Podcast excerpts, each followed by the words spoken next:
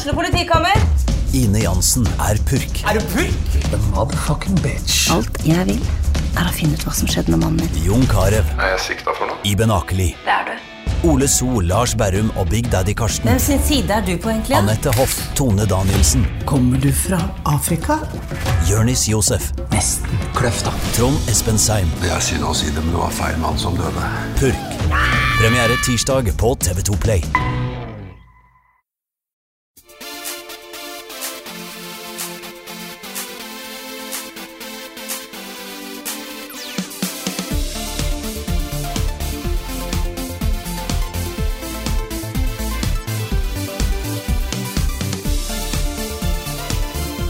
Og da ønsker jeg hjertelig velkommen til en eh, spesial sommerutgave av podkasten Level Backup med meg, Rune Fjell Olsen. Og du er ikke Carl Martin Hogsnes eller Frida Danmo, Martin. Det er nok, jeg heter i hvert fall Martin. Martin Kvale heter jeg. Ja, og du, Vi har snakka litt om deg eh, de siste ukene, og før det også. For du har jo blitt litt sånn indie superstjerne fra Norge, lyddesigner, involvert i utrolig mange forskjellige prosjekter. Og den siste tingen vi snakka om eh, når det gjaldt deg, var jo at du hadde en rolle i et av de store indiespillene som ble vist fram på årets etere. Sable. Da satt du på Facebook og var sånn ordentlig gira. Gleda deg. Eh, Fortell om det spillet. Eh, Det er et spill som vi har holdt på med nå i um, siden november i fjor. Så det er et spill jeg ikke har fått lov til å prate om før nå. Det var, derfor, det var også det var litt ekstra godt å kunne si hei. Dette er et spill vi har holdt på med, og det er et veldig kult spill. Og sjekk ut dette her. Um, det er spill som blir laget av hovedsakelig to, uh, to menn fra i London. Uh, Dan og Greg, som jobber i et eh, team som heter Shedworks. Og sammen har vi også Meg på uh, historiefortelling, scriptwriting og, og Japanese breakfast på musikk. Og meg, da. Ja, nettopp. Um, nå sitter vi jo på Tøyen bibliotek. Det er spilluke her midt i sommerferien. Og jeg tenkte liksom ok, vi skulle egentlig ha pause i sommer. Men spiller jo ikke. Jeg har med ungene, de sitter bak her og holder på med Minecraft og Settlers eh, brettspill og litt sånne ting. Tenkte jeg hva om vi bare lager et par sånne spesialepisoder av podkasten også? Så takk for at du hadde mulighet til å stille opp eh, på det. Uh, det her blir jo litt sånn uvanlig podkast. Vi skal eh, snakke mest om deg, egentlig.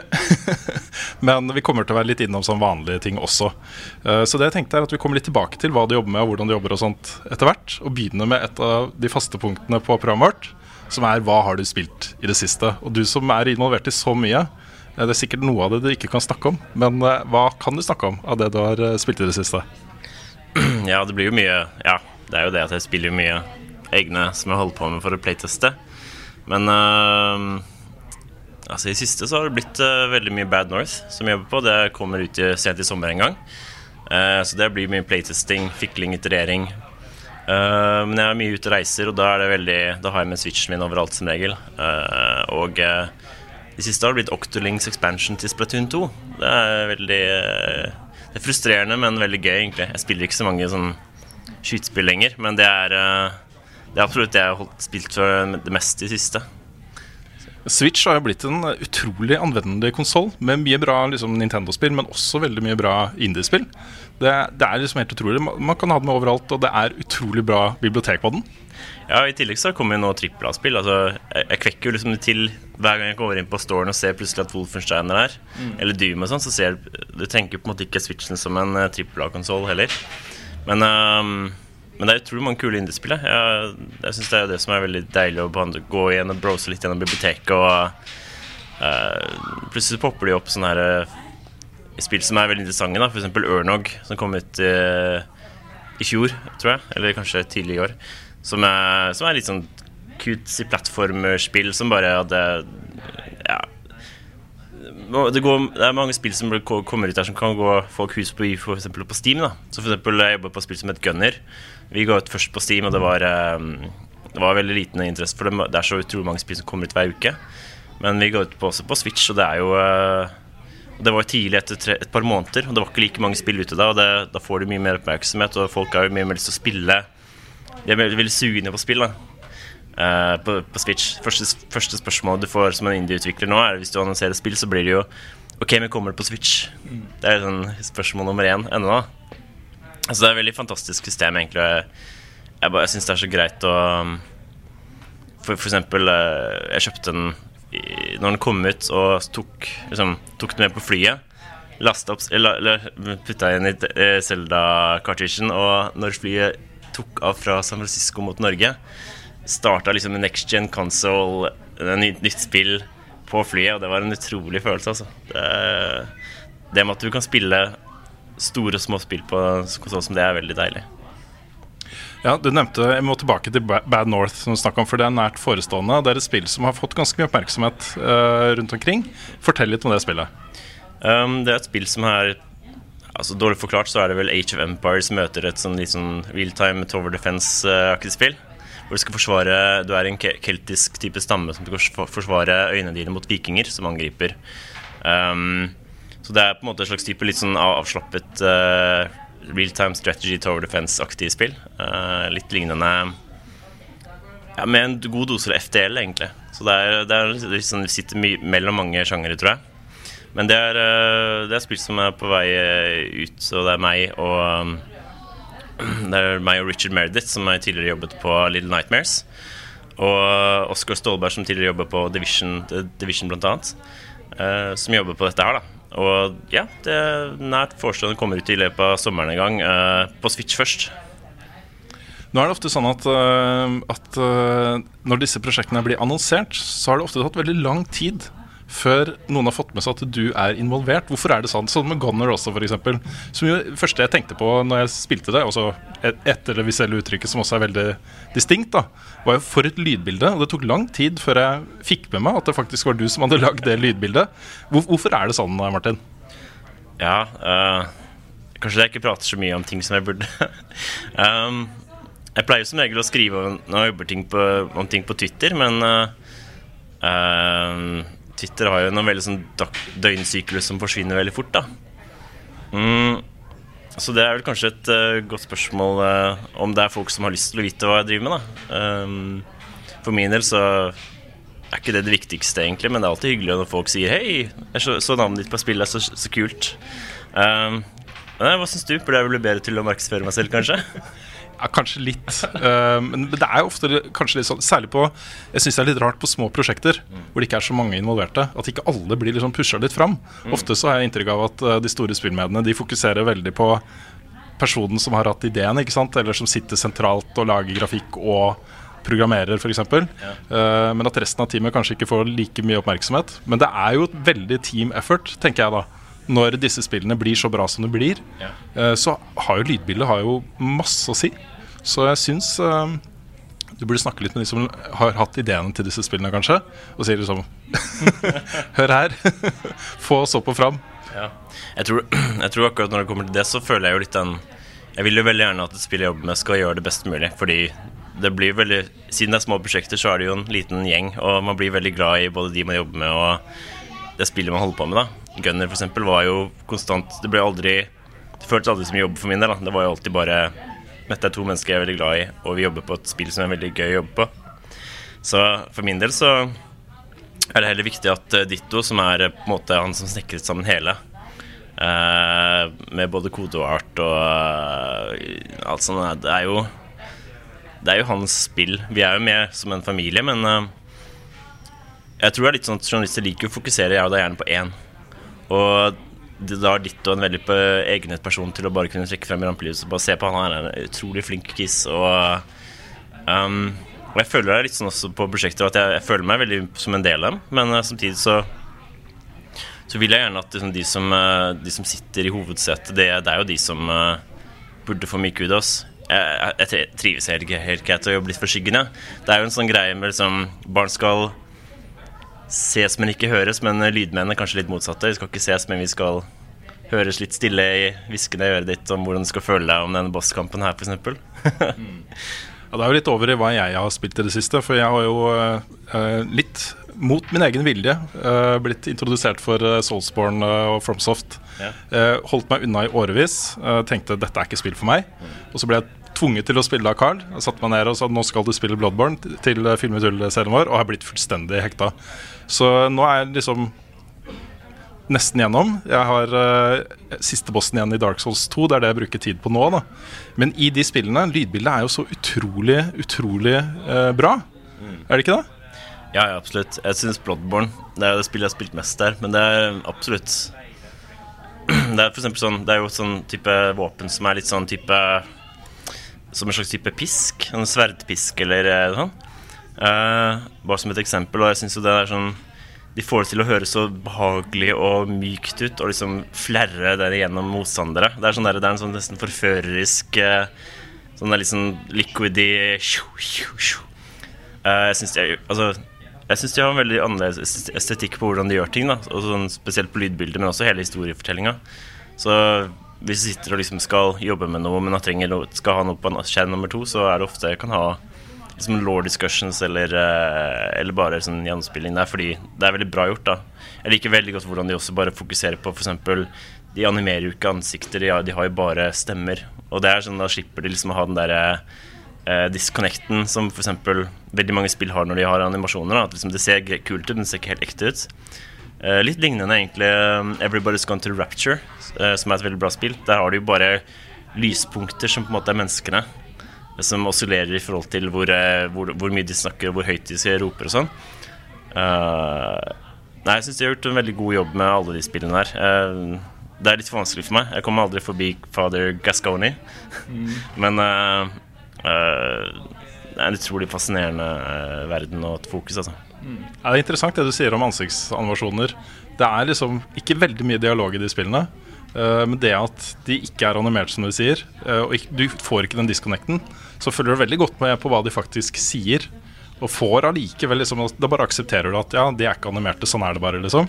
Mens hvis de hadde vært animerte, så hadde det kanskje blitt for mye fokus på det. Det kan hende.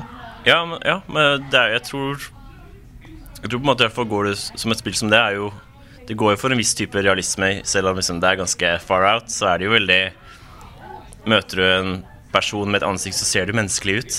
Uh, men jeg tenker jo bare sånn, tenk på ressursene du sparer. Tenk på Om fem år så vil jo du være mye bedre til å fange ansiktsuttrykk, og da vil jo det her se gammelt ut. Men hvis du ikke gjør det og gjør det stilisert som de har gjort, da, så er det jo sånn Du sparer masse tid på animasjoner. Uh, du sparer masse tid på å, å lage props. da altså for, for eksempel en ting vi Jeg fant ut Det første spillet jeg jobbet på, var jo Among the Sleep. Som er et horrorspill fra laget i Norge, eh, hvor du spiller en toåring som leter etter moren din. Og det var veldig kult å finne ut tidligere liksom, Vi kan spare så mye tid på assets-produksjon. La oss si du går gjennom en gang, og så hører du liksom noen som knirker og liksom slenger med ting bak en dør. Vi behøver ikke lage det. Det sparer jo liksom en ukevis på å lage et scenario hvor bare at jeg kan gå inn til et rom og bare Og så lager jeg liksom lyd på stemmen min eller sånn. Og så, og så blir det Og så tro, og så tror hjernen til spillerne på det. de bare ser for seg der inne skjer det. De kan høre det, de kan se det for seg. Og det, det er så mye bedre enn hva enn man kan lage faktisk. da Fordi straks hjernen har noe som den forestiller seg. Det er jo på en måte det, det er jo, Da er det jo så ekte som det går an å bli. på en måte Ja, det er utrolig godt gjort i Among the Sleep, fordi um, det fremstår jo som et horrorspill med monstre og sånne ting, men det er jo uh, Du får liksom også Det er øynene som spiller et puss gjennom øynene til denne toåringen. ikke sant? Som ser ting som ser ut som et monster, og så er den i kleshenger. Og hele, hele måten det er gjort på gjennom hele spillet, er så utrolig elegant uh, gjort. Ja, takk. Uh, ja, det er gøy å se på det sånn i etterkant. Sånn hvor Ja, det er veldig, det er veldig gøy å se på hvor greit, greit som det spillet endte opp, fordi jeg føler sånn her vi, Ingen av oss visste hva vi drev med når vi starta med det spillet der, så det at, det at du syns det er elegant, det høres veldig hyggelig ut. Eh, for, min del eh, Jeg syns absolutt vi klarte å få til en del kule ting, men eh, jeg tror det er, jo alltid sånn Når man ser på noe du holdt på med litt for lenge, så er det alltid sånn der, du ser bare tingene etter hvert som du gjerne skulle gjort bedre. Men det er spill som Herregud, det kommer ut, og folk, lik, folk liker det og spiller det ennå. Det er jo latterlig hyggelig. Ja, Nå gikk vi litt videre fra Dark Souls 2. Jeg, jeg tenkte det er Sikkert alle som hører på, har lyst til å høre meg snakke om Dark Souls enda mer. Vi har ikke snakka om det i det hele tatt i podkasten eller i andre sammenhenger før. Men jeg tenkte jeg skulle runde litt av, da, og så gjøre meg ferdig med Dark Souls 2. Fordi det er jo litt det sorte fåret i Soulsborne-familien. Eh, mange som uh, har sagt, eh, før jeg begynte å spille, da, at det er ikke like bra som verken Dark Souls 1 eller 3 eller Bloodborne eller Demon Souls. Eh, og det har de helt rett i. Samtidig så har f.eks. Karen har jo sagt mange ganger at det er vel verdt å spille det. Det er fortsatt bra. Og han har rett til det, altså.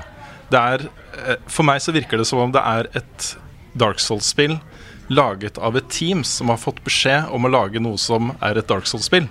Ikke, altså, det, det, det er veldig produkt av at ok, vi må gjøre det en gang til. Yeah. Uh, og så har de prøvd å liksom kopiere det som gjorde Dark Souls 1 så bra. ikke sant? Og fått det til mange steder, men ikke fått det til på mange andre steder.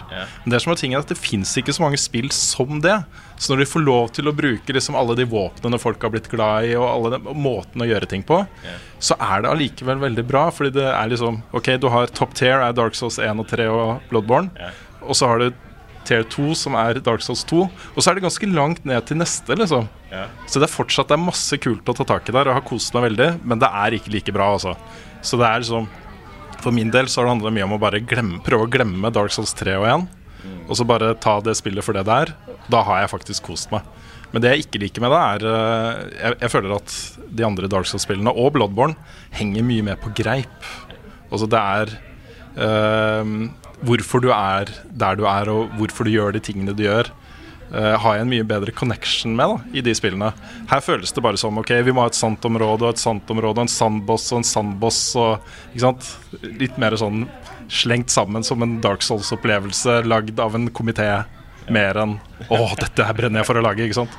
Så, men jeg syns fortsatt det er bra. Og eh, har kost meg. Har rundt 50 timer igjen nå og kommer til å ta siste bossen og være fornøyd, liksom.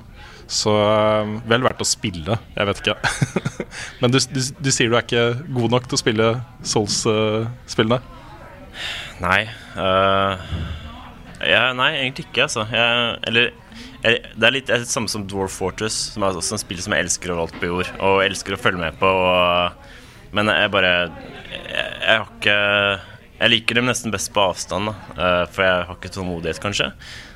Men Dark Souls 2 er vel nesten litt sånn Dark Souls-like, da. ja, var, var det ikke de som lagde Monster, lager Monster Hunter, som laget originalt? Jeg er litt usikker. Eh, nei, det var det ikke. Um, tror jeg, da, når du spør. Du vet kanskje mer om det enn meg. Jeg husker bare Jeg leste noe om det, og så husker jeg at det var et eller annet med at du kunne hakke av liksom, halene til noen monstre på Dark Souls 2, og så var det sånn Det er fordi de, eh, det var de som lagde det, som hadde jobbet på Monster Hunter. Men uh, Ja, Det kan du i Dark Souls 1 også. Det er sånn spesielle våpen som er knytta til å uh, hakke av halene til disse monstrene. ok. Ja, men da, da er det nok jeg som uh, Ja. ja men altså, jeg mener veldig igjen at det føles veldig annerledes ut. Eh, jeg, har, jeg har sett Anders på, i Coolbite. Han elsket jo Dark Souls. Og og siden har vi, har vi alle liksom sjekka ut Bloodborne, sånn, men Dark Souls 2 ga jeg til broren min da han var sjuk en periode. Men jeg tror, jeg tror både han og jeg, når vi satte det på, var det sånn derre Jeg skulle vise ham hva som var kult med Dark Souls. Og så, så det første jeg merket, var liksom det føltes ikke helt sånn der like apatisk ut, eller dystert eller tomt, da, på en måte. Det var liksom litt lysere og hyggelig og uh, Ja, det var et eller annet med stemningen altså, som ikke var helt, helt der, kanskje.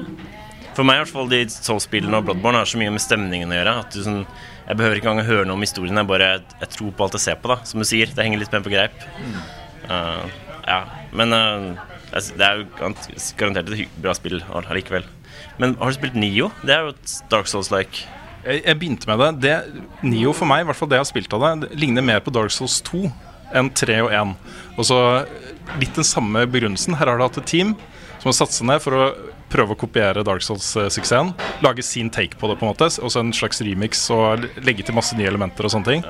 Um, og for meg, i hvert fall Jeg har ikke spilt det så mye, men uh, jeg klarte liksom ikke helt å få den connection til den verden som jeg fikk umiddelbart ikke sant, med Bloodborne og eh, Dark Souls 1, og, og 3 etter hvert, da, som jeg uh, spilte nylig. Eh, jeg har ikke noe tvil om at det er et bra spill, men jeg tror, for, for min del altså, tror jeg at det blir litt det samme som jeg ville sagt om Dark Souls 2. Her har du et team som har satt seg ned med Dark Souls-konseptet for å liksom Ok, nå skal vi også gjøre det.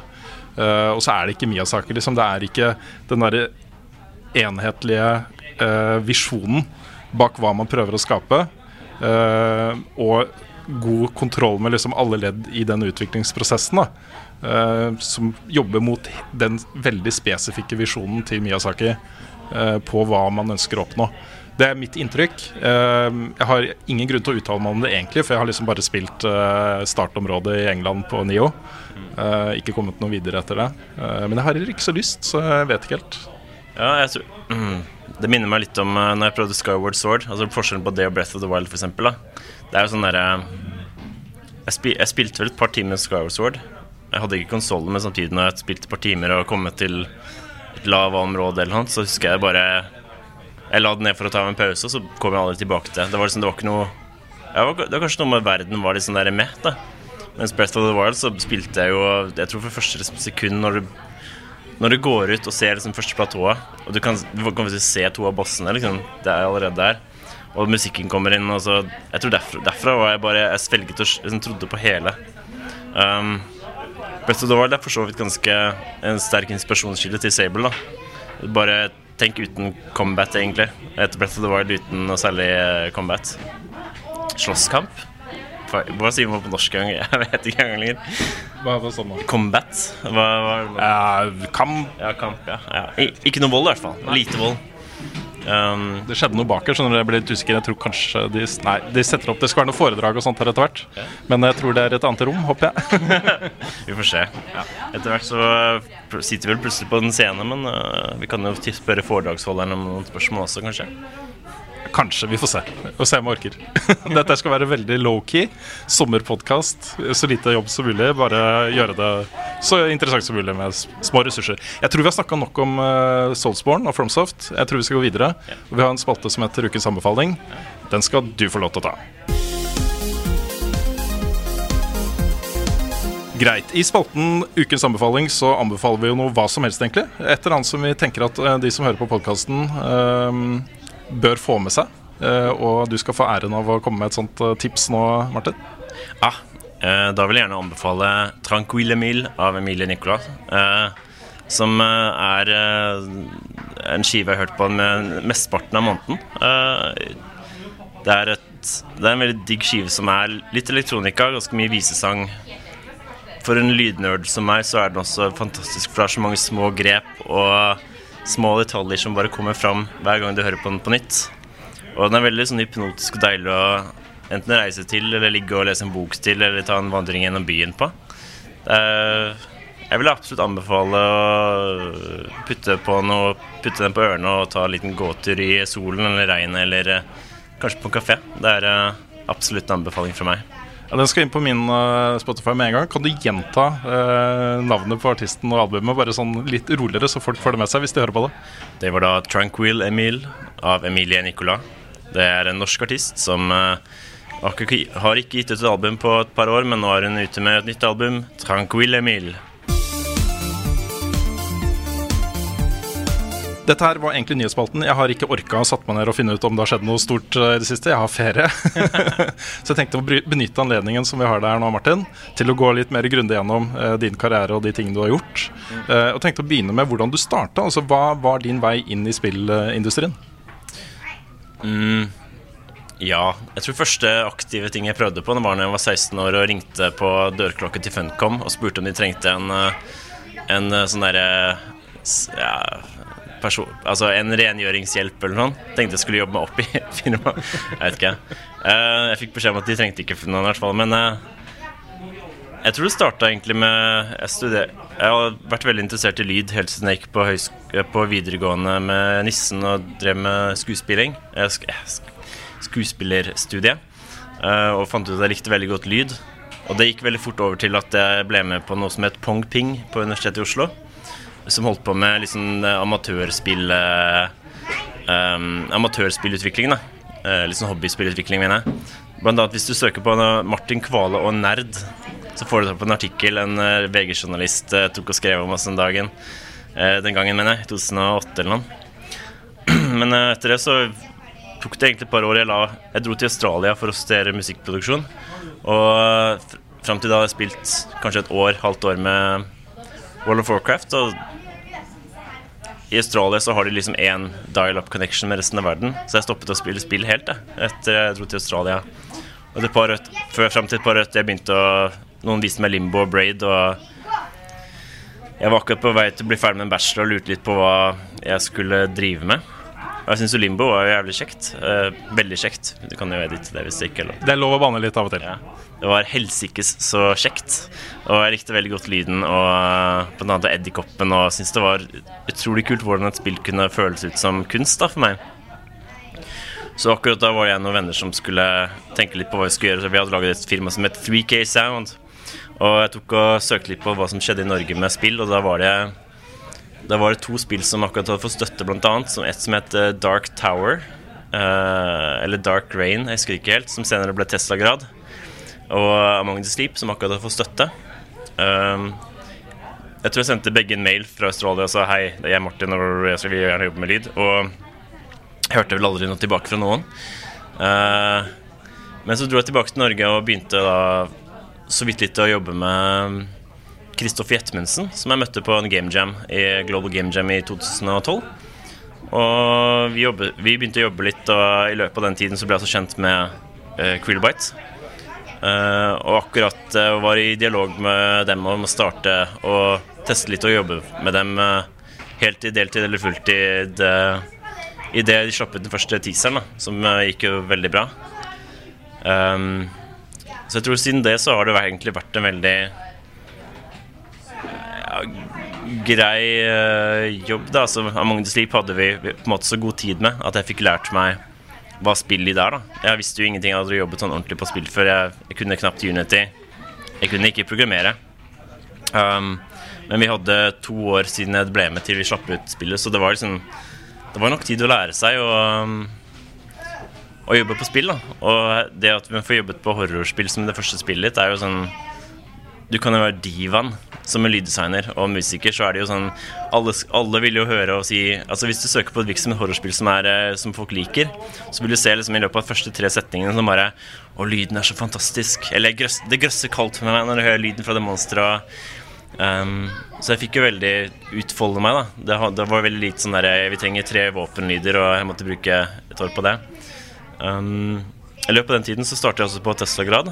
Uh, Så begge de to du sendte mail til uh, og ikke fikk svar fra, uh, tok deg inn i varmen med en gang du kom tilbake til Norge? Ja, jeg tror generelt at det er veldig mange som driver med lyd og musikk som sender ut Som tar kontakt med veldig mange foretak. da Men jeg tror samtidig på å være på den andre siden og stadig få inn mail fra komponister og sånn, er at det er veldig vanskelig å mm, vite hva man skal gjøre med mails, egentlig, synes jeg. Fordi du har ikke noe fjes Jeg, jeg har ikke noe fjes å putte dem på. Um, og uh, da blir det litt vanskelig å vite hva du skal gjøre med det. Uh, så jeg skjønner veldig godt hvorfor de ikke egentlig svarte på meg, fordi så, ja, du får liksom ti mails i uka med alt fra gangsterrappere til uh, klassiske komponister til eh, ja, folk som liksom, Vi har jobbet med film i ti år, og vi, har nå jobbet med spill og sånn. Eller folk som har lyst til å bli vaskehjelp, eller hva som helst. eh. Ja, eksempel. Kanskje vi burde ta inn noen uh, vaskehjelpfolk. Lys fremtid i møte. Um, ja, men ja, det, det gikk jo veldig bra. Jeg begynte med de spillene her, og, og Tesla-grad ble ferdig først. Men samtidig så ble vi ferdig med The Plan for Coolbite også, som er et lite femminutters narrativ som er gratis på Steam, hvis man kan shamelessly self-bug. Ikke noe problem? Um, så det var jo på en måte idet the Sleep kom ut, som var det første spillet jeg begynte på, så hadde jo Tesla Grad kommet ut. Uh, og The Plan, som også gikk veldig bra, selv om det bare var bare en test for oss å finne ut hva, hva kan vi gjøre som et team. Um, og jeg, det må, må jo bare si at det at jeg er med i Krillbite, og jeg jobber der som fulltid, uh, deleier i uh, selskapet og er veldig hyggelig familie for min del. Um, det er jo gjort den at jeg kan ha den karrieren jeg har, da, fordi veldig mye av det jeg gjør, mesteparten av de prosjektene jeg gjør, er på siden. Eller jeg permitterer meg selv for å ta litt av fokusperiode og sånn. Eksempel nå er det jo Bad North litt fokus og sånn. Um, og det er jo mye takket være at Coolbite har vært et veldig, har vært et veldig um, godt sted å jobbe på. De er veldig forstå, forståelsesfulle og gir meg veldig mye frihet til å kunne gjøre det. Eh, på, på, på den basis at det, hva enn jeg gjør, skal ikke gå utover Krillbite sine produkter. Som jeg har i hvert fall satt meg selv som en, som en type um, Som en type grense, da. Så alt som er utenfor, er, er on the grace of Krillbite, kan man si. Uh, og jeg er veldig glad at jeg har, en, har et hjem, sånn at jeg kan heller også fly litt fri og prøve litt ting. og og pga. Magnus Liv har jeg jo også vært sånn at jeg har også blitt veldig fort kunne gå opp til folk og si at hei, jeg heter Martin, jeg jobber med det. Og det er veldig mye enklere å bli kjent og starte en samtale med folk hvis de også vet hva du har holdt på med. Ja, vi kommer tilbake til uh, Quillbite og Magnus Sleep uh, og uh, Mosaikk, ikke minst, som, som, er på vei. Men jeg tenkte også å ta en liten detour via det. Fordi etter Magnus Sleep og etter Tesla-grad, så ble jo du en veldig sånn het potet i først norsk spillindustri, og så begynte du å liksom bli involvert i prosjekter over hele verden. Hvordan, hvordan var liksom gangen fra da, dine to første prosjekter til å liksom bli en, en uh, veldig sentral person i først norsk spillindustri, og så i masse internasjonale produksjoner? Um, hvordan veien var? Eh, det var jo litt sånn at uh, vi dro til GDC. Uh, og vi dro til Nordic Game Conference, som er to konferanser som er litt sånn like, men bare litt forskjellig fokus på hvor internasjonale de er. Og uh, det var jo på en måte via der at vi var der at, kjent, at man blir kjent med mange folk. Og det er jo en relativt liten industri, spesielt hvis du driver med små spill. Og det var jo via det først blir man kjent med mennesker. Uh, for eksempel eh, Nordic Game Conference. Jeg ble kjent med uh, først med Diana og Jonathan Van Hove og et par andre som jobbet i, i Copenhagen Game Collective, som er en eh, inspirasjon til Hamar Game Collective.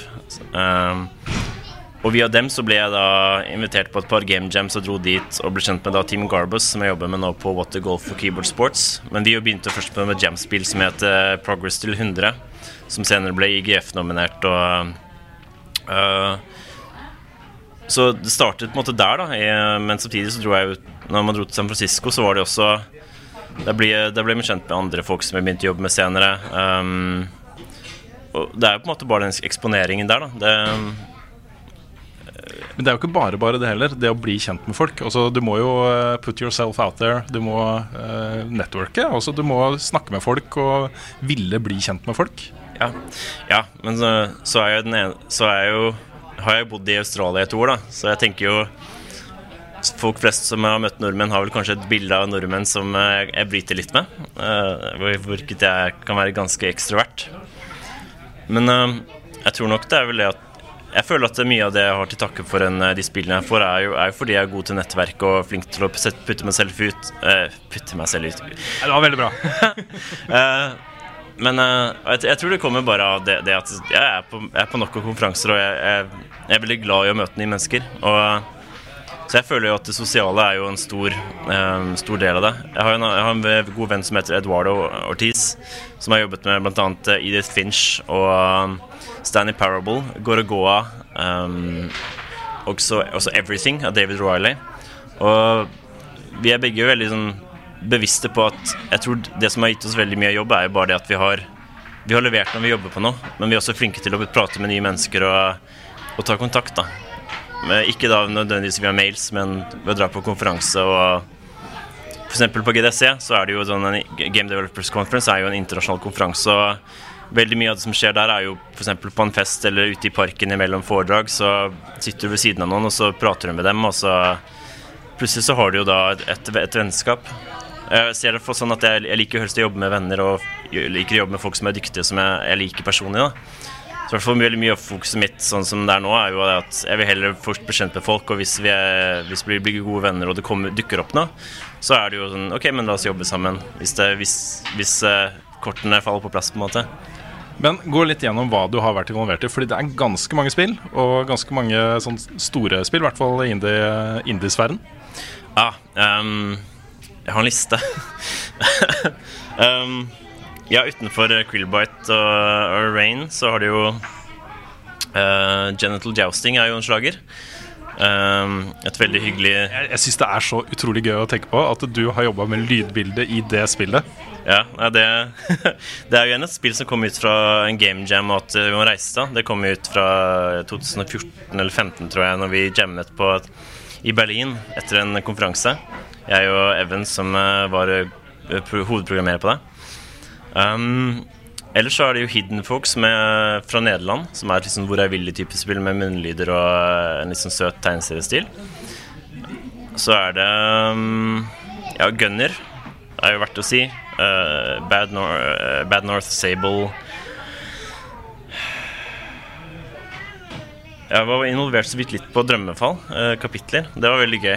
Um, Og så har jeg vært jobbet på et spill som heter Progress til 100, som er et utrolig sjarmerende lite IOS-spill som handler om å komme seg gjennom 100 stadig mer abstrakte leveler, hvor du må derimot bruke, annet bruke nesen. Du må klappe katter, du må, du må finne farger rundt i omgivelsene rundt uh, med kameraer og sånn. Um, ja, så er det den listen, da. Jeg har, jeg har en liste fordi det er veldig kontekstuelt hvordan jeg, hvordan jeg, husker ting. Så plutselig så glemmer jeg jo ting. Og det er jo ikke meningen. Ja, det, det har vært en del forskjellig, og det er veldig gøy å, det er veldig gøy å sitte og se tilbake. Uh, eksempel i går så satt jeg i Berlin og jobbet med uh, Bad North-traileren. Og så satt jeg på en liten fransk kafé, og så var det en, en unge og en uh, mann som satt ved siden av meg. Og ungen kom bort og bare 'Hva er det for noe?' 'Det er et spill'. 'Oi, det er kult'. 'Har du jobbet med horror?' Så bare dro jeg fram en trailer. 'Ja, det har jeg jobbet med'. 'Oi, har du jobbet med skytespill? Ja, det har jeg gjort. Jeg tror fram det her. Å. Og så, så, så dro, dro man fram spill etter spill etter spill, og det var jo Det var jo veldig Jeg vet ikke, litt sånn humbling å kunne se tilbake på alle de, på alle de tingene jeg jobbet på, da. Ja, veldig stolt, egentlig. Ja, Det har du god grunn til å være også. Um, du har jo flere store prosjekter på vei. Kanskje noen du ikke kan snakke om også, men de vi vet om, er jo da Sable som ble vist fram på, på årets etere. Og det spillet blåste jo skjorta av oss. Altså Det så jo så utrolig lekkert ut. Inspirert av fransk tegneseriekunst, fransk og belgisk tegneseriekunst. Selda, uh, uh, litt sånn drømmeaktig journey. Uh, fortell litt om det spillet. Ja, det er spill som handler om Sable, som er hoved, hovedkarakteren. Som er en ung kvinne som, som reiser ut fra sin, fra sin, sin stamme da, for å finne for å finne seg selv. Så det er litt sånn coming of age-type historie. Utover det så er det ikke så mye, er ikke så mye verdt å dele ennå. Det kommer sikkert litt mer informasjon etter hvert, men det er et spill som er veldig inspirert av ja, tegn, franske tegneserieskapere. Veldig mye Selda, som sagt. ganske mye 80 Days, blant annet. Vi har jo hun som skriver, skrev for 80 Days. Um, og det inspirerer også veldig mye hvordan vi vil fortelle historien. Samtidig så er det også veldig inspirert av Studio Ghibli og litt den eventyraktige følelsen av en fascinerende verden. Jeg vil jo si kanskje at liksom stemningen prøver å ligge litt mellom Studio Ghibli og, og Breath of the Wild. Um, og spillet foregår på uh, veld, et veldig tørt sted, kan man si. En, en, en stor ørken. Og og det er jo det er et uh, sci-fi-spill. Foregår kanskje litt i vår type ikke verden, men kanskje i en litt mer uh, far out, uh, heavy metal-aktig verden. Jeg så dere fikk utrolig mye oppmerksomhet uh, bl.a. på Twitter etter, uh, etter den traileren ble vist fram på etere, bl.a. av Will Wheaton. Ja. Masse svære personligheter som bare var helt fra seg. Hvordan opplevde du det? Um, jeg syns det var Jeg syns det absolutt var veldig godt. Fordi det er et spill som er um, For min del så er det et spill som jeg er blitt veldig glad i veldig fort. Og man vil jo gjerne at sine barn skal uh, ut, komme seg uh, langt, på en måte. For jeg likte det veldig godt. Det at uh, jeg har ventet så lenge på å kunne snakke om noe, og når man først, liksom, når man først viser noe, at det går såpass bra, det at Will Wheaton, Will Wheaton likte det, var ganske fantastisk. Vi satt jo der Vi satt jo der etter den første tweeten og egentlig ikke kunne bruke Twitter på en dag eller to, fordi det var bare. Og, og, Dan og Greg, når de var oppe på scenen der, straks liksom den traileren kom ut, så, så satt Dan med uh, mobilen i lomma. Og den vibrerte da i liksom de neste åtte timene konstant. så etterpå i intervjuer så bare satt han der og um, Det var ganske fantastisk. Eh, og jeg tror veldig mye av det kommer ut fra en veldig god trailer. Da. Jeg tror uh, Raw Fury, som uh, vi, vi, jobber med, de er de har jo uh, han trailerfyren som tidligere jobber på Dice med Battlefield-spill og sånn. Så han kom jo inn i Raw Fury for et halvt år siden, og veldig mye av det de har planlagt på, er liksom Vi vil lage en ekstremt god trailer til eh, spillet her. Og traileren er jo et samarbeid av liksom, følelsen av å spille samt det utrolige tegneseriestilen, men også soundtracket til Japanese Breakfast, som er en uh, indie-pop-stjerne, kan man si. Og jeg tror nok det absolutt hadde veldig mye å si, for det, det, var, det var, på en måte ikke helt typisk sånn der eh, Hans Zimmer trommeaktig uh, stor eh, produksjon. Det var heller noe liksom mykt og lekent og eh, romantisk over det hele pga. musikken.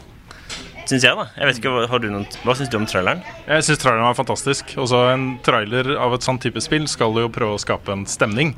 Også en følelse. Mer enn sånn veldig detaljert informasjon om hvordan gameplay blir. ikke sant? Eh, så den lykkes veldig godt eh, i å få meg til å få lyst til å spille spillet. Eh, og ikke minst den visuelle stilen er jo så distinkt. Altså, bare basert på det så fikk jeg lyst til å spille det. Og ditt lydbilde kommer jo sikkert ikke så veldig godt fram i traileren.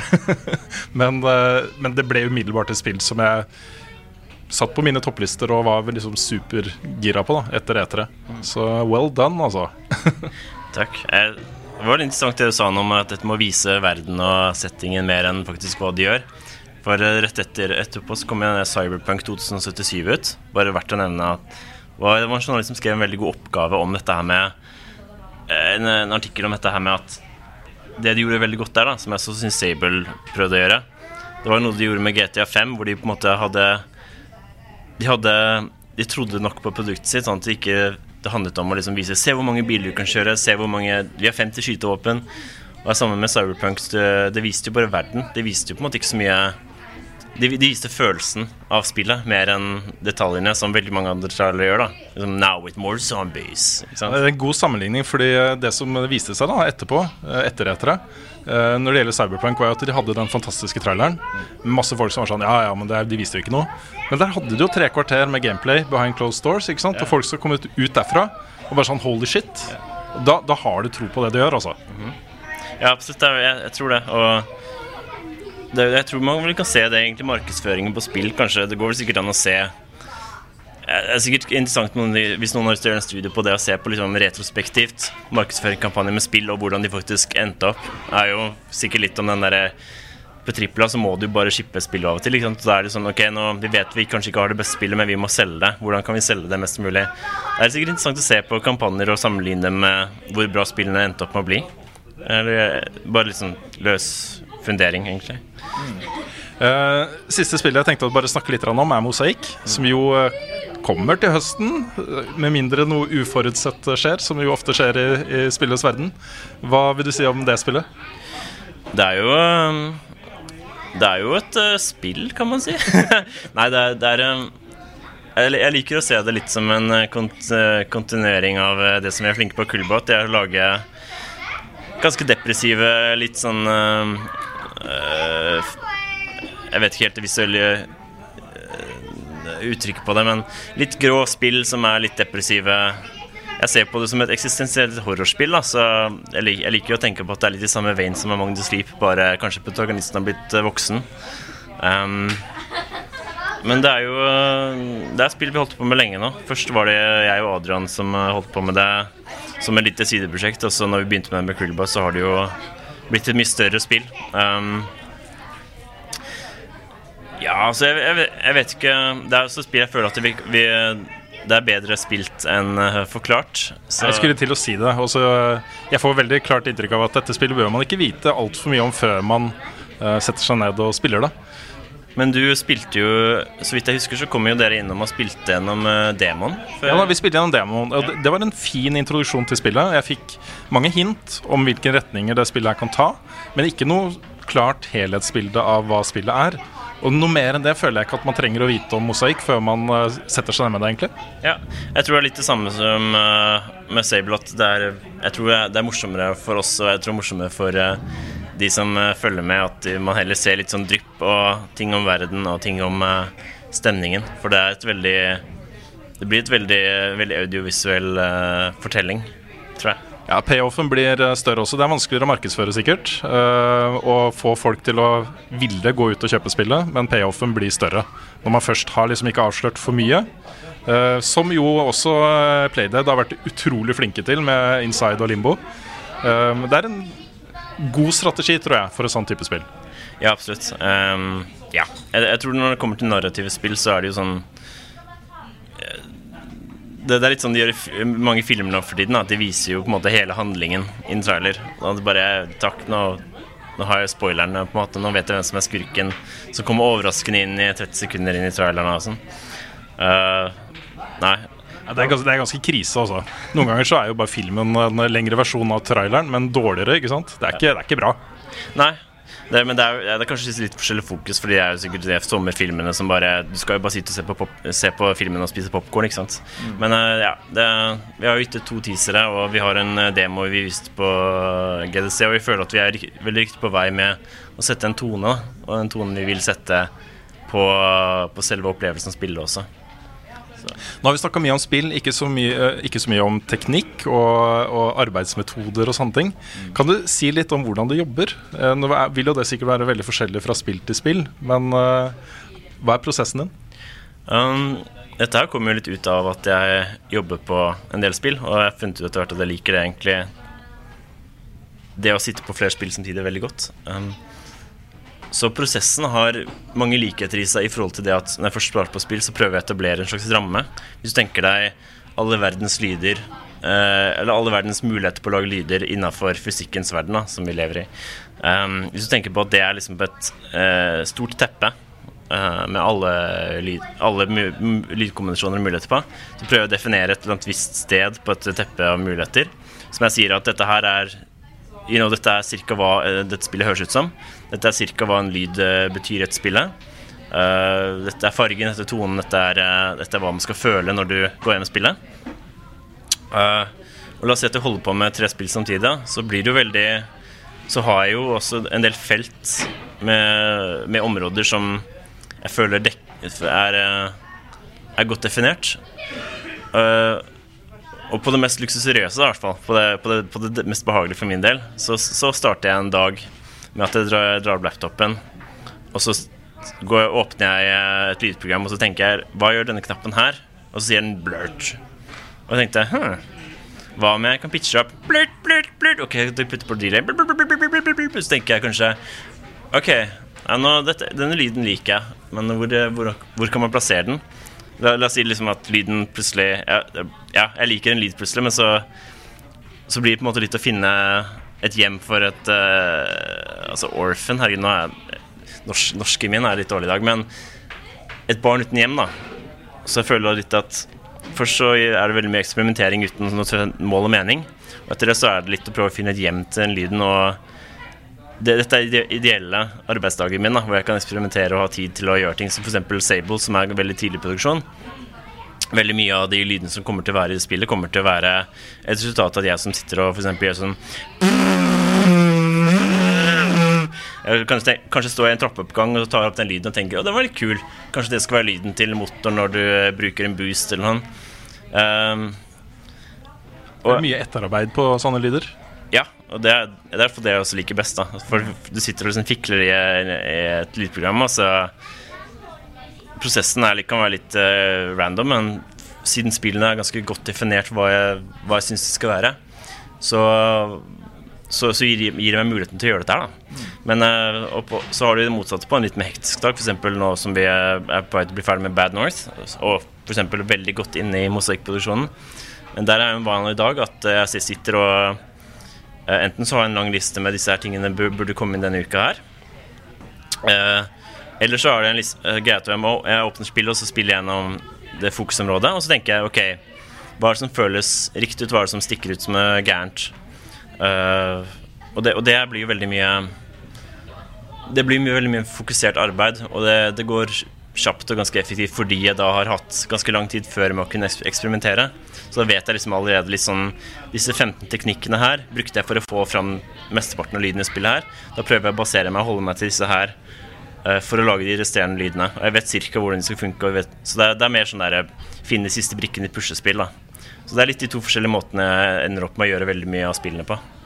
Når man ser sånn bakom uh, filmer på hvordan man har lagd lydbilder i filmer og spill og sånne ting, så ser man jo de gjøre mye rart. Stå og hamre løs på vannmeloner med slegger og sånne ting. Hva er det rareste du har gjort for å lage en lyd til et spill? Um, oi. Jeg tror um, Jeg tror absolutt at Among the Sleep var veldig Veldig mye gøy for min del, for det var også liksom Det var mye testing, men uh, Og så var det et horrorspill hvor du var en liten unge. Så jeg vil absolutt si at uh, jeg tror det rareste jeg noensinne har gjort, Det var en idé jeg fikk under en samtale med en, ja, han som jobbet på Silent Hill som lyddesigner. Silent Hill 2.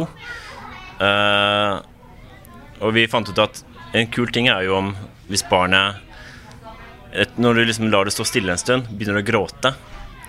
Og jeg visste liksom en gang sånn derre Ok, jeg vet hvilken lyd jeg vil ha. Jeg liksom, for, for, de, for dere som har liksom vært i nærheten av barn, så vet man liksom, hvis de først gråter og begynner å gråte lenge På slutten av gråtinga, når de er liksom er helt på tampen av eh, å bruke liksom opp energien sin, så er de sånn Når de nesten ikke orker å gråte mer Jeg vil ha den gråten der, da.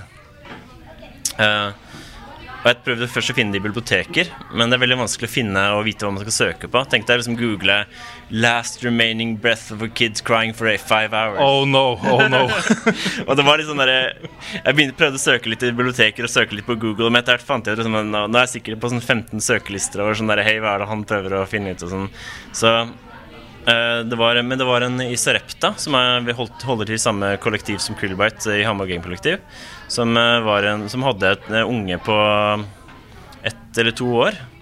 Og den ungen hadde sånn um, ehm, separation and anxiety fra, Altså fra moren, da. Det norske ordet er separasjonsangst. Separasjonsangst, ja. Og uh, da var det, det var jo veldig enkelt og greit at moren gikk jo bare ut i rommet. Uh, og så satt jeg bare og holdt ungen foran en mikrofon og følte meg forferdelig i fem minutter. Så sånn derre ikke, ikke, ikke, ikke Ja, hold deg i ro, hold deg i ro. Og så, grå, så gråt og jeg. Bare, nei. Og, um, og det eneste jeg egentlig tenkte på, var jo bare den derre Hvis ungen hater meg nå etterpå, hvis ungen er redd for meg nå, kommer jeg aldri til å tilgi meg selv. Men så kommer moren inn, og da var den «Bæ!» Og da var den bare glad igjen, og helt, alt var helt fint. Men det var sånn Jeg tror kanskje det er det mest ekstreme. Uh, men det var Og vi endte jo ikke på, på å bruke det i spillet så mye, men jeg, jeg har hatt veldig mye gøy med den, den lyden her siden, siden da. For eksempel når jeg går rundt og holder uh, workshops eller holder uh, foredrag, så er det veldig gøy å dra opp den lyden der og begynne med å um, starte med en litt sånn skummel eller musikalsk ambiens, og så sier jeg det som er interessant med lyd, er at, som du sier, da, knuse en vannmelon med slegge, uh, det er jo f.eks. knuse et hode, eller, eller noe sånt. Og poenget mitt ofte er jo å si at ofte så er det du hører, det er ikke det du nødvendigvis ser. Um, og da starter jeg ofte med en ambiens, og så begynner jeg å fjerne flere og flere effekter. Fram til du hører at dette er faktisk lyden av et gråtende barn. Du trodde det kanskje var vin, en vind, eller trodde kanskje det var en, musika, en liksom musikalsk eh, eh, opera langt i bakgrunnen. Sånn. Uh, og det, er- det er veldig godt poeng å vise, at liksom, du kan ta veldig mye og gjøre det til noe veldig annet. da Eksempel i filmer. Den, den beste lyden, syns jeg, da for å lage rein, det er å bare steke fett i en stekepanne. Det høres så mye bedre ut enn å ta opp lyden av rein selv. Ok, jeg har, jeg har vært innom det før. Jeg har spurt om det før. Uh, men det er for, det, for nye lyttere. Genital jousting. Jeg var så vidt innom det. Ganske eh, De lyd, lydbildene skal jo da illustrere ikke sant, peniser som går inn i andre peniser. Fortell. Det er en veldig komplisert lyd med penetrasjon. Um, det er verdt å nevne at genital jousting er et veldig sexpositivt spill. Um, men uh, veldig mye av lydene på penetrasjon kom egentlig fra den, uh, de åtte timene vi brukte for å jamme frem en prototype. Og hvorav en god del av lydene var uh, tatt opp inne på et, eh, inne på et um, toalett inne i en, en nedlagt skole i Berlin. Så det så akkurat hvilke lyder som er tatt opp der og ble lagt i etterpå, er ikke så viktig, men det er Lyden av penetrering eh, i genital jousting er vel en blanding av eh, fire lyder, tror jeg. Hvorav blant annet det er en basstromme med litt ekko, bare for å gi den derre magefølelsen. At det bare åh. um, så litt diverse hemmelige triks. Du kan jo nesten faktisk Jeg tror, jeg mener å huske at dere var innom studioet mitt en gang og filmet faktisk skjermen når jeg viste lydlagene. Så kanskje hvis dere har bilder fra det, kan dere jo splette det opp på skjermen og vise. Eh, men det er en blanding av fire lyder som da, hver gang du penetrerer, så er litt forskjellige kombinasjoner av dem. Det, det gjør at det vil alltid føles fresh ut, kan man si. Um, det er en veldig interessant lyd, og så er det veldig mye fokus på ja, ellers så er det jo veldig sånn mye fokus på liksom, eh, at de skal føles litt vått og ekkelt ut. Så liksom når de beveger seg, så er det liksom veldig Det er ganske mye munnlyd inni der. Men det er, det er veldig mye våte, liksom slimete lyder når du drar det selv over skjermen. Og, Og spruter ut eh, noe, blant annet, så er det jo Endte vi opp med å bruke en ketsjupflaske. Um, det var et spill Det var et veldig gøy spill å lyddesigne til. Det var eh, det var, det var veldig brutalt lyddesign som endte opp med å være ganske passende siden det var såpass søt uh, grafikk. Det var liksom Pastelina-aktig. Så ja. Gentle jousting, altså. Det var um, Det var en unik erfaring. Uh, jeg vet ikke om jeg noensinne kommer til å jobbe på såpass seksuelle spill igjen, men uh, Ja, det, det var jo et spill, det òg. Vi tar den siste faste spalten vår også, som er spørsmål og svar. Nå har jeg ikke gått ut sånn veldig bredt og bedt om spørsmål, så det har ikke kommet inn så mye. Jeg har kommet inn noe fra Patreon Men jeg tenkte å begynne med noen spørsmål fra meg til deg. Eh, jeg tenkte å gå tilbake til det du eh, sa tidligere, om at du har studert i Australia. Og jeg lurer på, Var det noen gang livsfare? Jeg er veldig veldig stressa på å dra til Australia. Alt kan jo drepe deg der. Har du noen gang opplevd noe sånt med noen dyr eller edderkopper eller et eller annet?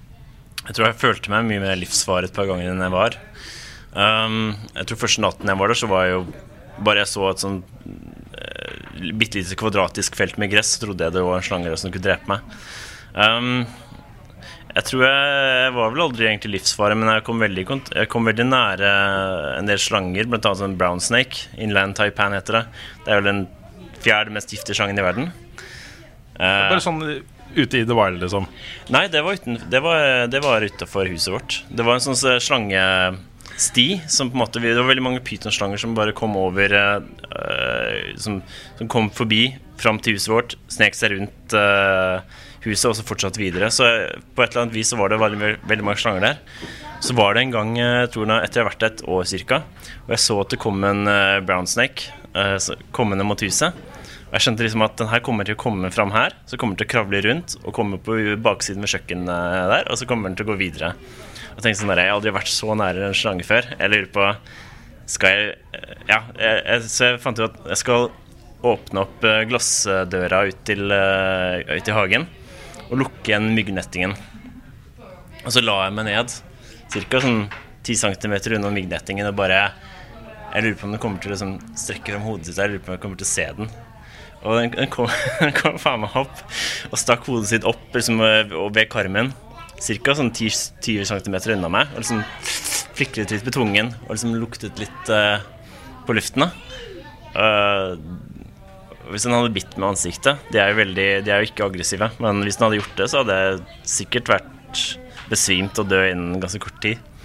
Men uh, jeg, Så jeg var jo ikke livsfarlig, jeg var jo trygg bak myggnettingen. Men det var et par ganger hvor vi gikk sånn i beksvarte mørke på vei til en fest gjennom eh, en skog i sandaler, og jeg var litt sånn der Oi, øh, burde kanskje gått med sko sånn. Men uh, det meste er jo sånn Du skal jo terge en slange ganske mye før den begynner å bite. Så jeg var aldri direkte livsfare, tror jeg. Ja, men jeg tror du har bare understreka mitt uh, ønske om å aldri dra til Australia nå, så takk for det, Martin. uh, greit. Jeg tenkte også å høre litt sånn, litt sånn generelle spørsmål. Uh, favorittspill? Oi. Um, ja. Jeg syns Majora's Mask for tiden er et spill som jeg er veldig glad Som jeg trekker veldig mye inspirasjon fra. Uh, så jeg ville definitivt sagt det, kanskje. Majora's Mask. Ja. Favorittfilm? Er det en sånn spørsmål spørsmålsrunde? uh, Beklager det, altså. Nei, nei, nei. La oss, la oss ta dette. Og ja, favorittfilm uh, ville vel kanskje si uh, Lost in Translation. Nice. Uh, Favorittalbum?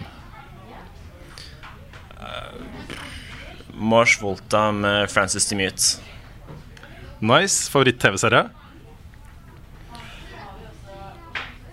Avatar The Last Airbender. Første, første serien, tror jeg.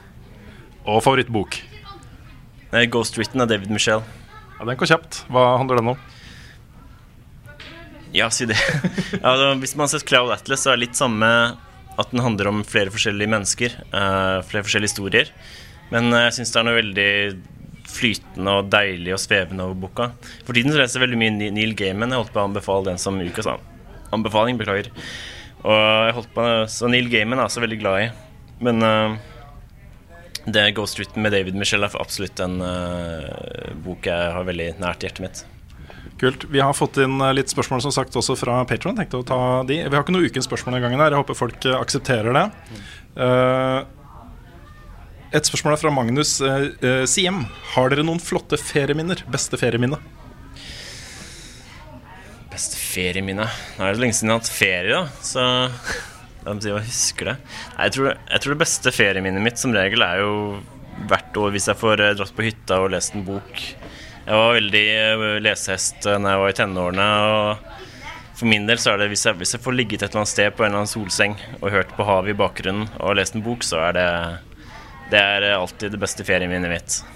Ja, det har vi ganske mye til felles der. Altså. For mitt beste ferieminne er en sommer på Hvaler, eh, hvor vi hadde leid en hytte. Jeg lå på Svaberget og leste 'Den uendelige historien'. Ja. Det er liksom kombinasjonen av havet og sommer og den boka, liksom. Det er utrolig sterkt og fint, fint minne. Skal du noe denne sommeren, forresten? Eller blir det bare jobbing?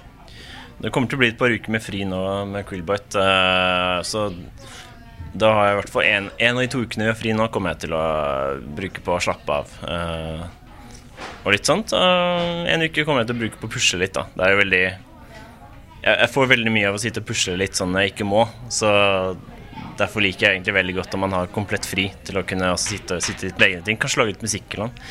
Men jeg kommer nok til å ha en uke hvor jeg kommer til å lese litt, ligge på Svåberg eller uh, ligge ved havet og bare høre på bølgeskvulp. Det er litt rart det der med ferie, Fordi jeg skal også liksom bare slappe av. Men mye av slappe av for meg er jo å spille dataspill som jeg bare spiller for gøy, eller uh, lage podkast bare for gøy. Det er jo en sånn uh, Ja, det var uten, utenfor Universitetet i Oslo, så er det jo uh, en T-banestasjon ved Blindern der. Og jeg husker alltid når jeg, når jeg dro til skolen og fram og tilbake, så står det skrevet på en, en gangbro der. sommerferien gjorde meg utslitt.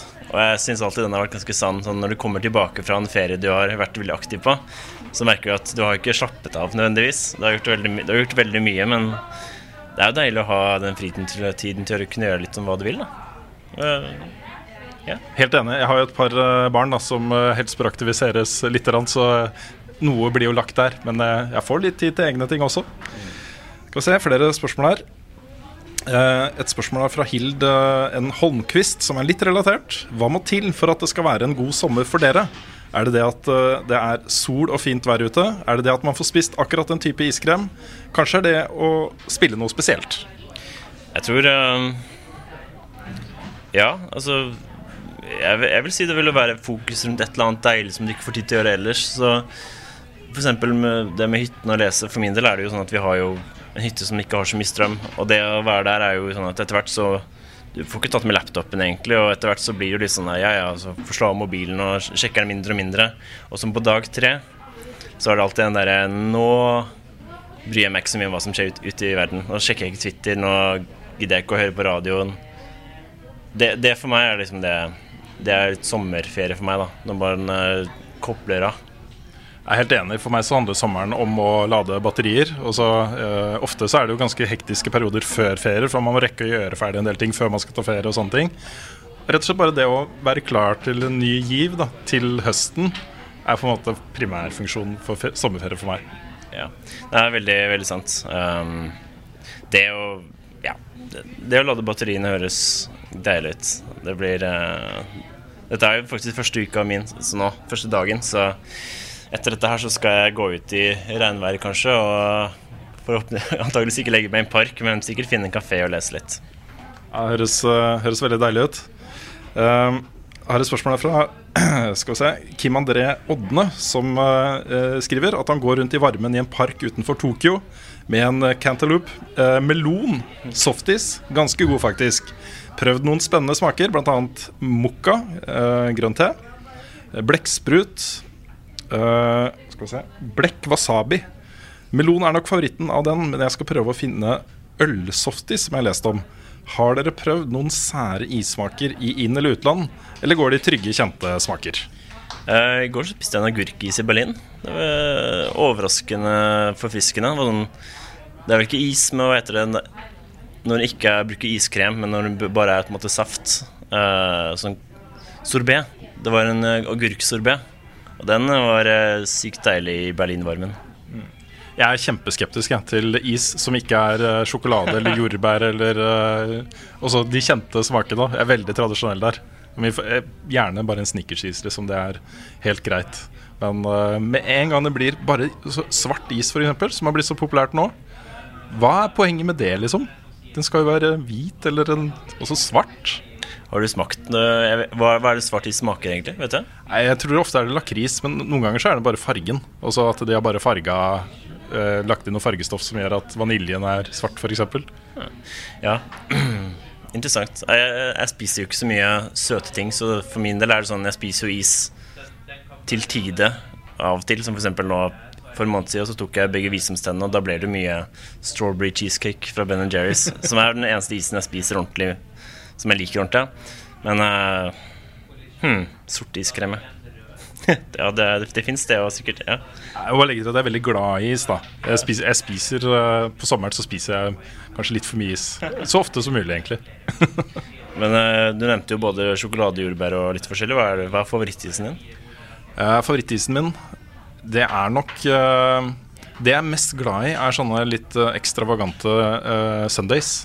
Gjerne fra diners i USA. Med liksom hot fudge og vanilje og nøtter og krem og hele den pakka der, liksom. Det er kanskje min favoritt. Men av de som jeg kjøper i butikk, så er det Snickersis. Uh, hvis du har vært i USA og spist sånne rare iser, har du prøvd fritert is noen gang? Jeg har prøvd det. Ikke helt fan, altså. Ikke helt fan. det, ja, det var en Jeg likte konseptet veldig godt, men jeg syns den smakte helt, sånn, helt ok, egentlig. Ja. En av de beste eh, br bruken av is, da, det er jo eh, fransk krepp med eh, vaniljeis og Nutella og banan. Det er liksom Det er stort mer perfect enn det blir ikke, altså. Åh. ja, apropos det, det er jo sånn halve grunnen til at uh, når jeg var i Berlin, at jeg valgte det området, var jo fordi jeg var det etter Magnus Sleep, så tok jeg en sånn liten sabbatical hvor jeg reiste rundt i et halvt år. Da endte jeg opp i Berlin blant annet et par uker hvor jeg satt på en fransk kafé og spiste galette, som er den savory, altså mer frokostaktige versjonen av crepe. Uh, så det når jeg nå var tilbake i Berlin de siste ti dagene, så har jeg spist veldig mye galetter, og det var uh, for meg en eh, perfekt frokost er en galett med en uh, ka kaffe midt milch og litt, litt musikklaging og litt rolig morgen. Ah, høres digg ut. Og sånn som Kim André eh, skriver, så er han i Tokyo. Der spiste jeg sånne eh, krepp i cones.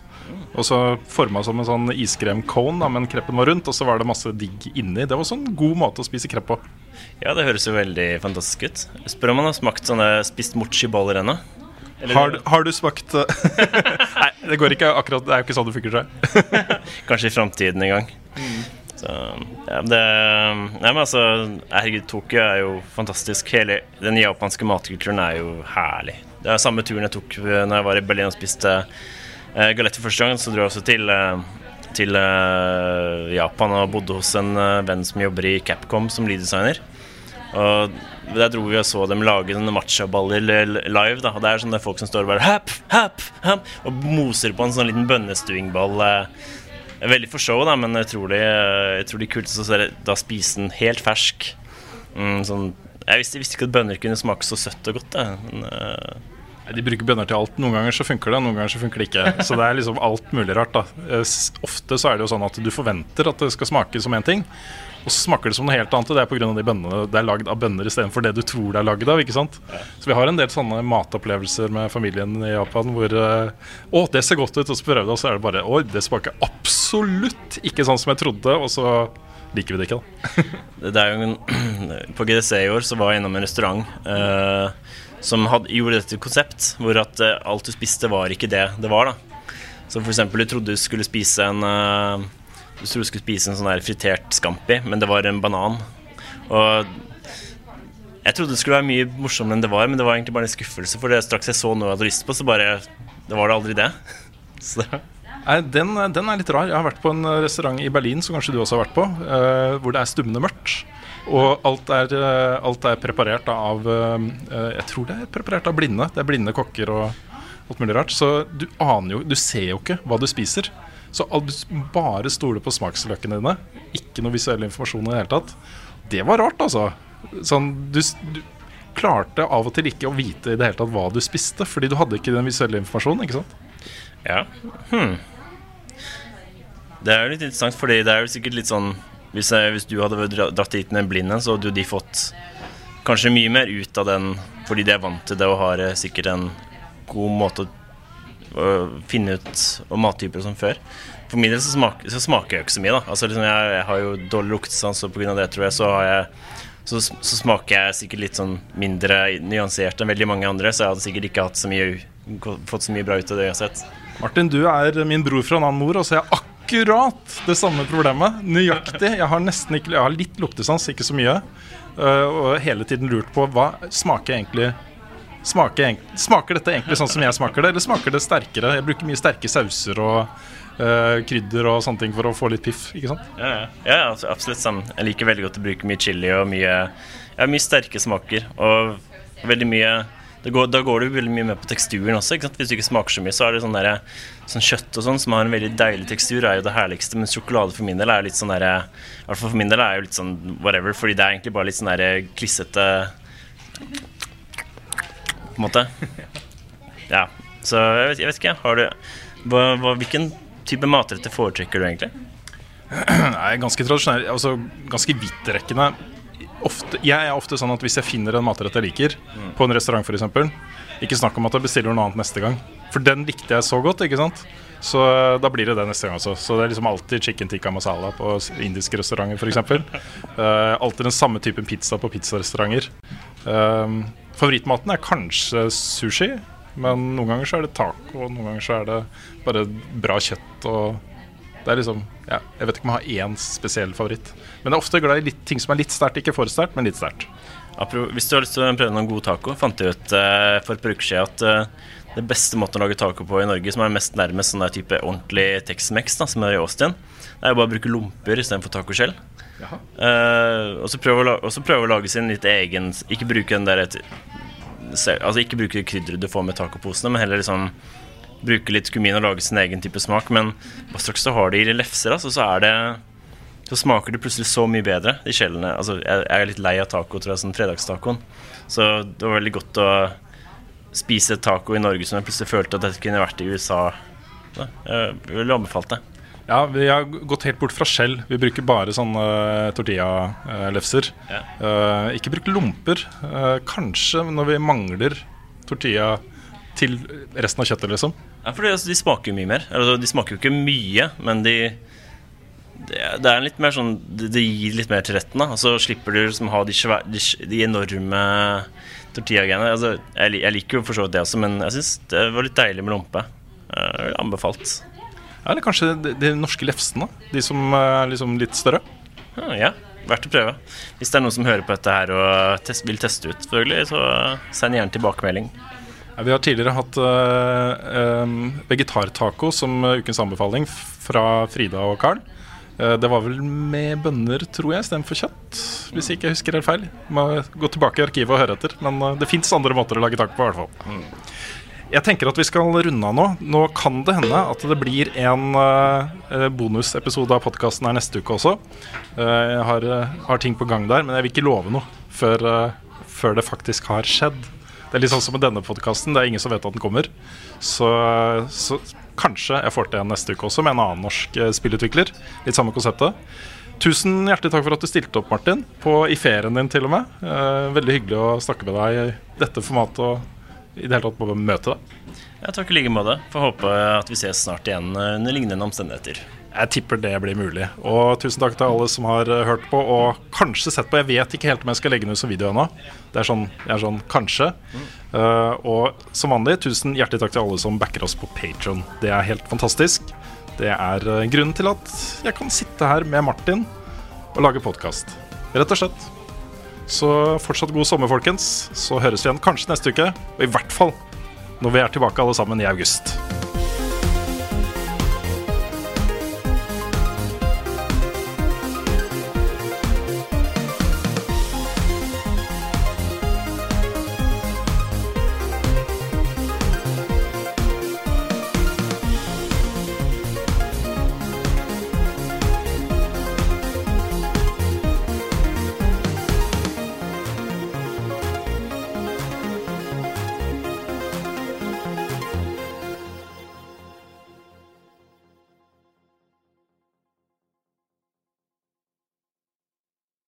Har du et enkeltpersonforetak eller en liten bedrift? Da er du sikkert lei av å høre meg snakke om hvor enkelt det er med kvitteringer og bilag i fiken, så vi eh, gir oss her, vi. Fordi vi liker enkelt. Fiken superenkelt regnskap.